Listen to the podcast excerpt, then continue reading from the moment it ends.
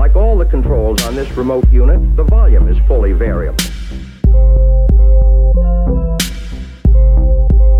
Should the telephone ring or guests arrive,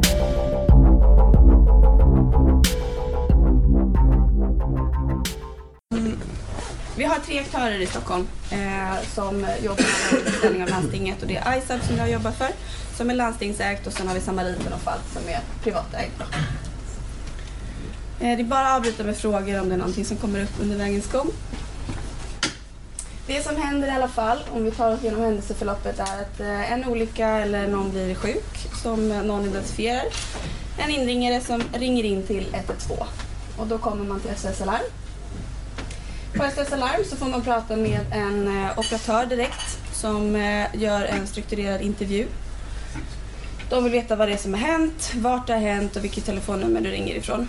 Framförallt. Eh, under tiden som de tar emot samtalet och gör den här intervjun eh, så gör de en bedömning, en prioritering av samtalet. Och anses det vara av allvarligare grad eh, så kan man koppla över det till eh, medlyssning för sjuksköterska. Man kan även koppla in räddningstjänsten och polis på en gång. Det skickas även information under hela tiden, under, eh, hela tiden under samtalet över till eh, ambulansdirigenten. Ambulansdirigenten är sedan den som larmar ut ambulanserna och har det varit ett läge för eh, räddningstjänst och polis också så är det ju respektive ledningscentral från dem då som larmar ut polis och räddningstjänst. Eh, ambulansdirigenterna väljer eh, utifrån en karta som de har framför sig, drar de de närmsta enheterna dit och för att det inte ska... Det är de som eh, ser liksom ett heltäckande eh, över Stockholms eh, län, eh, hur ambulanserna är placerade så att vi inte tömmer ett område. Och så drar de antalet resurser och vilken typ av enheter. Prioritering och dirigeringen går till så här. Prioritering 1, mycket brådskande. Eh, där det är livshotande symptom. Och det här är alltså operatören som gör direkt under första eh, bedömning. Prio 2 anses som vara brådskande men inte livshotande och prio 3 är eh, inte så brådskande men där man bedömer att en rimlig väntetid inte kommer påverka tillståndet. Och blir det en för lång väntetid så kan SOS-läkaren ringa upp och göra en, eh, en koll om, för, om läget har försämrats helt enkelt. Så att man behöver prioritera upp ärendet. Kommunikation som vi använder är Rakel. Känner ni till det här?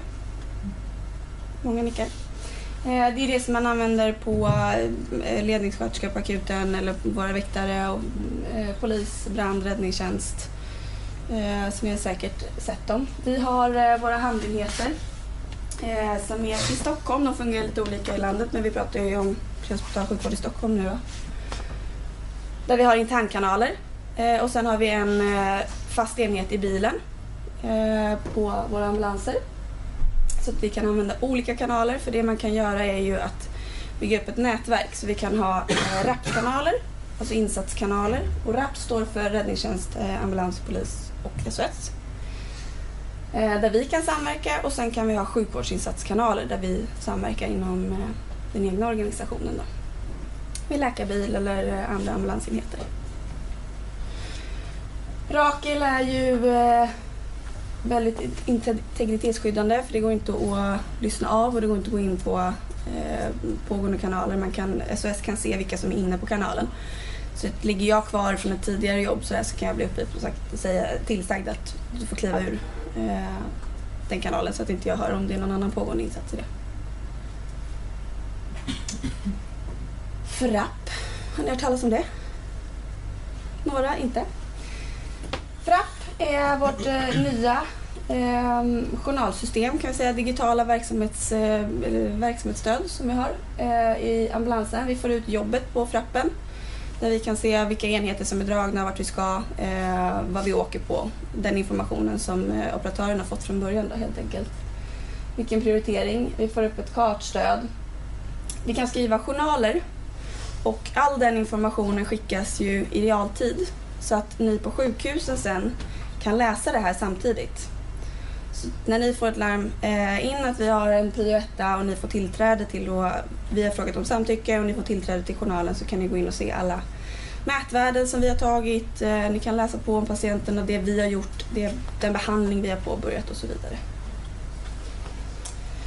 Vilket eh, ja, skyndar på processen helt enkelt lite mer. Finns det nu? Ja, eh, det implementerades årsskiftet 2017 i alla bilar eh, på ett projekt där från början. Ja, men jag menar, finns det på sjukhusen? Ja, alla mottagande enheter har det också. Jag kan väl kommentera lite grann. Sjukhusen har ju varit lite sena med att, att ge medarbetarna access. Eh, akutmottagningen har, där fungerar det. Men, men för oss som jobbar liksom ett steg bak så har vi haft svårt att till och med läsa journaler i efterhand. Eh, men det är ju inte en brist i journalsystemet utan det är en brist i sjukhusets IT-prioriteringar. Men, men möjligheterna finns eh, för att fungera. Så att det här kan vara bra för er att bara veta och ha med er för att det kan ju hända att vi kommer in med något eh, larm så vi kommer och trycker upp en skärm i ansiktet och visar ett EKG eller någonting så vet ni var det kommer ifrån och vad det är jag trycker upp i ansiktet på er. eh, men då kan jag visa er flera EKG som jag har tagit under tiden till exempel eller eh, en hel lista av alla läkemedel som jag har gett om det var något som var oklart i rapporteringen eller så vidare. resurser som vi har att tillgå i Stockholm. Några av er som har åkt med på ambulans och akutbil MIKU har jag hört att några har åkt med på. Några enstaka så mycket. Eh, vi har för närvarande 71 ambulanser i Stockholm eh, enligt papper. Eh, det har tillkommit några så jag tror att det kanske är uppe i 78 någon där. Eh, de ser lite olika ut men det här är två varianter av de vi har. Eh, det har kommit en ny upphandling nu för årsskiftet så vi får se hur många, jag vet att det ska tillkomma fler ambulanser tack och lov då. Eh, 71 eh, ambulanser, av dem så har vi två stycken som är förstärkningsenheter, eh, akutbilar med narkoskompetens eh, från sköterskehållet. Då. Och eh, vi har sex stycken ledningsbilar av de här 71 som är så ehm, specifika ledningsenheter eh, som man måste ha en specifik eh, utbildning för att få jobba på. Utöver det så har vi helikoptern. Eh, den går en året runt och två under sommartid. Maj till september va? 15 maj till 15 september och sånt. Vi har en akutläkarbil. Och vi har två stycken MIKU eh, IVA-bussar, MIKU-ambulanser. De transporterar ju eh, intensivvårdspatienterna Eh, oftast mellan sjukvårdsenheterna. Eller det är där de transporterar. Eh, utöver det så har vi även en PAM-enhet. Har ni hört talas om den? Samma? Någon? Eh, psykiatriska ambulansen som vi har, den är, ser ut som en sån här vanlig ambulans men inuti så har vi fyra säten. Eh, den är inte utrustad som en vanlig eh, utrustningsmässigt med läkemedel utan de har lite mer eh, Tralen och sådana läkemedel som vi annars inte har att tillgå. Eh, och eh, de ska rycka ut på krisreaktioner och eh, suiciduppdrag och sådana saker. Eh, och bemanningen i den ambulansen är två specialistsjuksköterskor inom psykiatrin och en ambulanssjukvårdare. Som har fått ett jätte, jättebra genomslag och har gått, man har avbrutit projektet och etablerat det nu istället när man pratar utrustning i allmänheten som det heter så har ju de en sak som skär, särskiljer den från alla andra ambulanser. De har take care-datorer. Mm. De kan gå in och läsa på sina patienter, vilket vi inte kan i läkarbilen eller någon annan, någon annan ambulans. Så det är ju deras, en av deras styrkor är att de tar verkligen med sig De kan läsa på på vägen ut, ja. Eh, bakgrundsfakta kring patienten. Den nya uppdateringen med FRAP, nu har jag själv jobbat med den, men där ska vi komma åt tidigare ambulansjournaler. Så vi kommer kunna läsa om ambulansjournalerna men vi kommer inte åt tidigare journalsystem. Hade du någon fråga? Ja, jag bara undrade hur kommer det sig att bara de har fått det? Därför att de, är, de går på uppdrag från eh, psykiatrin eh, och står utanför liksom, ambulanssjukvården ah. på annat uppdrag. Ja, då, då Så det är därför. Så är det organisatoriskt Ja, precis. Tyvärr, vi hade jättegärna haft tillgång till Ja, nej, Vi får se vad framtiden visar med IMF-appen i och med att man börjar öppna upp lite. Har något till resurser? Bemanningen då? Eh, på ambulansen så är det minst en specialistutbildad sjuksköterska, alltid. Eh, och eh, oftast så är det en ambulanssjukvårdare. Tyvärr så försvinner fler och fler ambulanssjukvårdare. De börjar pensionera sig och det är inte så många som kommer in nytt. Men istället så har vi många allmänsjuksköterskor som man åker med istället då. På våra förstärkningsenheter, akutbilarna, så är det minst en eh, sköterska, sjuksköterska med specialistkompetens inom anestesi som har jobbat tre år och då är det heltid då, eh, med att söva. Och en ambulanssjukvårdare. Akutläkarbilen eh, är det en specialistutbildad läkare med minst sex månaders erfarenhet inom anestesi och en ambulanssjukvårdare. Och på helikoptern så är det en anestesisyrra med tre års erfarenhet också, eh, ambulanssjukvårdare, pilot. Men läkarbilen kan ju skicka med sin läkare vid behov i helikoptern. Och apropå kompetensen, det roligaste med jobbet att jobba på ambulansen är ju att eh, vi möter alla. Eh, vi jobbar från födsel till död och allt däremellan. Eh, det innebär att vi som jobbar på ambulansen också har en väldigt varierad bakgrund. Vi kommer från stroke, eh, HIA, eh, IVA, eh, många från akuten. Vilket gör att vi har en ganska bred kompetens i bilarna. Eh, vi kan också se det som att eh, sjuksköterskan, eh, eftersom ambulansen är först på plats eh, i de här lägena, så är det sjuksköterskan som också blir li lite av ryggraden i hela det här teamet och hela systemet. Eh, och som eh, agerar spindeln i nätet. Så alla specialistsjuksköterskor har ju minst eh, ett års eh, vidareutbildning.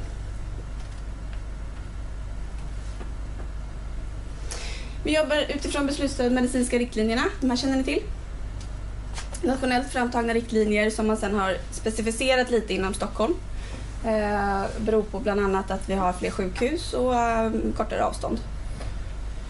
Eh, vi har till exempel inte att vi ska ge heparin på eh, PCI-patienter eh, för att vi hinner till sjukhuset innan. Medan utåt i landet så måste man göra det när man har en timme till sjukhus. Ehm. Vad var det jag tänkte säga mer om det? De, eh, Niklas har lagt upp dem på Stairs så de, de finns där som en länk Och i dokumentet om ni vill, är intresserade och vill titta på. De behandlingsriktlinjerna som vi har är ju uppbyggda utifrån AMLS-konceptet. Eh, där vi, och det är så vi jobbar i ambulansen också.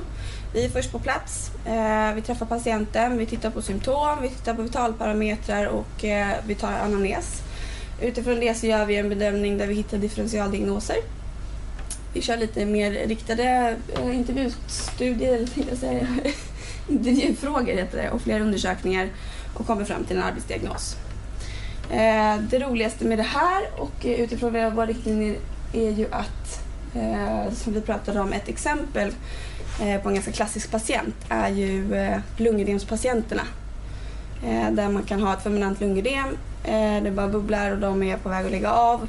Eh, vi kan påbörja på plats eh, med behandling, ångestdämpande, eh, diuretika, vi sätter infarter, vi påbörjar med CPAP-behandling eh, och när vi kommer in till sjukhuset så har vi dem ganska stabila eller till och med symptomfria. Det är ganska fantastiskt.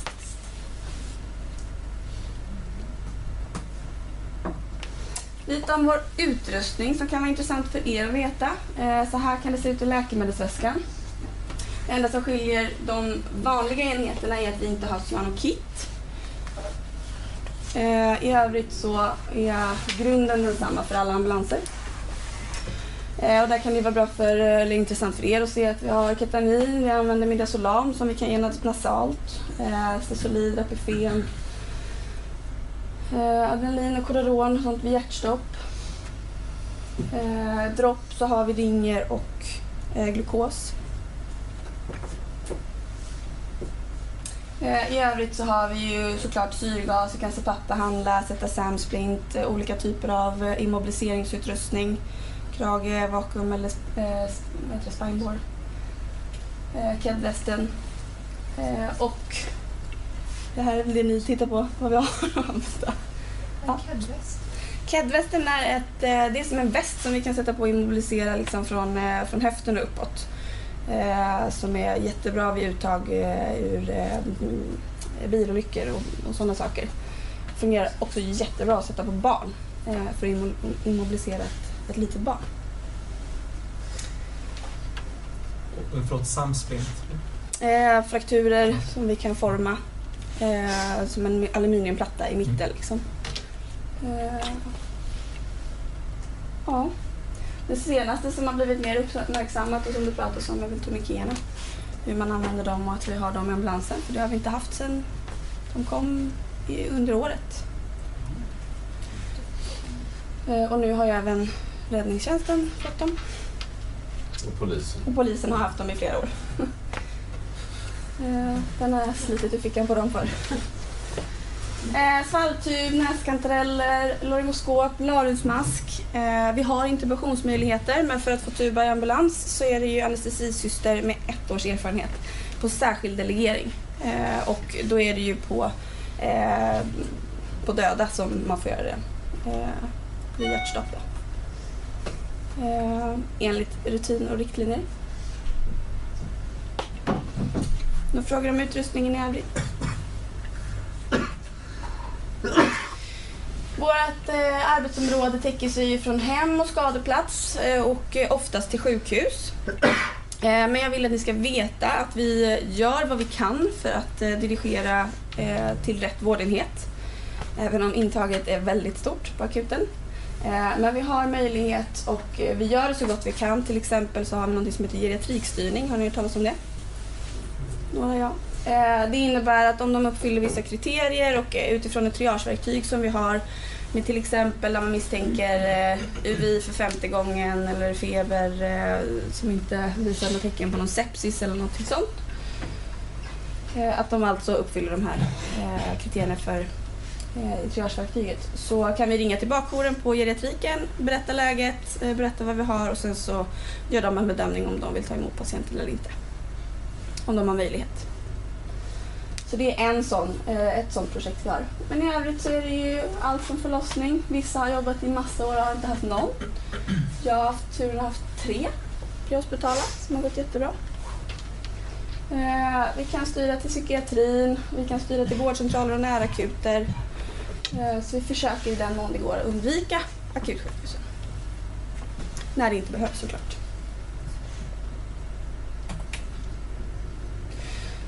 Och slutligen särskild sjukvårdsledning i skadeområdet. Eh, vill bara att ni ska veta, som jag var inne och nämnde, eh, vi har sex stycken ledningsenheter, eller sju, med läkarbilen. Eh, men det är sex stycken som är specifika ledningsambulanser och eh, som det ser ut idag så går de som vanliga ambulanser. Men vid större uppdrag där det är en händelse som involverar fler än tre ambulanser så ska ledning etableras. Eh, det är upp till SOS att dra de här enheterna. Eh, och även när det är förväntat och man misstänker att det är ett eh, bombhot eller någonting sånt eller vid kungens födelsedag så har vi ju, som polisen har kommenderingstjänster så är vi med och etablerar en ledning och bygger upp ett, eh, en förberedelse helt enkelt. Eh, och för att få jobba på de här ledningsenheterna, när man börjar på ambulansen så får man en introduktion två dagar eh, i vår CERT-utbildning som det heter. Eh, den är liksom för att alla ambulanser ska kunna etablera och påbörja ledningsarbetet. Istället för att jobba på ledningsenheterna så går man en eh, vidareutbildning kan man kalla det på fyra dagar. Eh, och då man sen får jobba på enheterna. Det återkommer vi till senare idag. Varför jag var på en sån enhet i april. Den utgår från regional katastrofmedicinsplan, den här tråkiga luntan som Staffan pratade om. Eh, Men är, man kan grotta in sig lite i den så är den faktiskt lite intressant. Eh, Kul att veta vad det finns för resurser och möjligheter och hur vi kan larma ut eh, sjukvårdsgrupper och katastroftält eh, och andra saker. Det här fantastiskt roliga ämnet att stå och babbla på i en halvtimme. Har ni några frågor? Passa på. Eh, är det någon som inte har åkt med i en ambulans, eh, eh Mikun eller eh, läkarbilen och sådana saker, så får ni jättegärna ta kontakt med studierektorn. Eh, så kontaktar de oss, så finns det alltid möjligheter att få åka med. Eh, kom ut i eh, vagnhallen och kolla så kan vi gå igenom bilen medan eh, den andra sitter och skriver journal. Eh, det är jätte, jätteroligt att och om ni engagerar er och visar intresse. Vi visar jättegärna upp vad vi har att använda. Eh, och vad det gäller case som vi har haft. Eh, vi har ingen möjlighet som vi är inne på. Vi har inte take care. Vi har ingen möjlighet att eh, följa upp patienter och se vad som har hänt. Vilket tyvärr har en tendens att påverka vår utveckling. Att man vet ju inte om man behandlar de här patienterna rätt. Så har ni några synpunkter, tycker ni att vi har gjort ett bra jobb så får ni jätte, jättegärna återkoppla och säga det. Tycker ni att vi har gjort ett mindre bra jobb så får ni gärna säga det också. Vi är ju ändå kollegor och jobbar för patientens bästa. Och eh, ett sätt att lösa det på det är ju bara om man står på akutrummet eh, som, som narkosläkare och man tänker att det här vill jag... Det är ett intressant fall. Man kan ju be om ett mobilnummer. Bara skicka ett litet sms. Det behöver inte vara krångligare än så. Eh, det tycker jag att det ska vi, vår yrkeskår, kunna bjuda våra kollegor som arbetar på hospital som saknar den möjligheten. Vi vet ju själva hur viktigt det är att vi får återkoppling på vårt arbete. Så försök gärna att ta er dem den, den korta stunden det behövs. För det uppskattas enormt mycket. Mycket är ju sådär att man har försökt med patienter eh, och få en anamnes och svar och de kanske inte alls vill medverka och sen så kommer man in till akuten och så får man eh, världens lista av vad som har hänt så står man som ett fån där själv och bara varför kunde du inte säga det här för? eh, så vi får tänka på att vi jobbar i väldigt olika miljöer också. Är annat på akutrummet. Jag hade en, en liten fråga. Vi, vi pratade ju förstärkningsenheter. Mm. När får förstärkningsenheterna åka ut? Eh, och vad är det som avgör om de ska med eller inte? Du fråga mig om eh, bestämmelserna för det nu? eh, jag kan faktiskt inte kriterierna för det. Eh, På barn dras ju alltid läkare och akutbilen. På dåliga barn. Jag bara, det där kan du bättre. Ja. Du eller Pierre kan Ja, nej, men, men typfallet för en förstärkningsenhet kan ju vara fler händer. Ja. Alltså vi har eh, Hjärtstopp. hjärtstopp till exempel. Vi kommer att höra mer om hjärtstopp senare idag när polisen kommer hit och berättar också om hur de hjälper sjukvården eh, på, hjärtstopp utanför sjukhuset. Eh, men eh, tanken med förstärkningsenhet är ju att, att komma med eh, ett, eh, en lite bredare arsenal av utrustning som man kan assistera med. Och kanske också ett lite annat, lite annan kompetens då man tillför luftvägshantering eller en annan yrkesgrupp då som, som när läkarbilen kommer. Eh, men eh, förstärkningsenheterna åker ju väldigt sällan själva på uppdrag utan vi åker nästan alltid tillsammans med en ambulans. Eh, och då brukar man kalla ambulansen för en lastande enhet just för att signalera att det är den ambulansen som tar med patienten på våren och inte förstärkningsenheten. Varken akutbilarna, de två, eller läkarbilarna är lastande enheter. Akutbilarna ser ju likadana ut. De är utrustade med bårar och kan användas för det. Men tanken är inte att de ska göra det. Tanken är att de ska vara lediga för ett nytt uppdrag och inte ta patienten in till sjukhuset. Det står inte i uppdraget att de inte är lastande men frågar du någon som jobbar på akutbilen så har de nog inte lastat någon på flera år. Inga fler frågor? Glasklart, nu vet ni allt om prehospitalvård. Skönt. Jag tror vi gör så här att jag känner att det börjar bli lite varmt här. Nu ska vi öppna fönstret i ett par minuter bara så vi gör det nästa. nästan.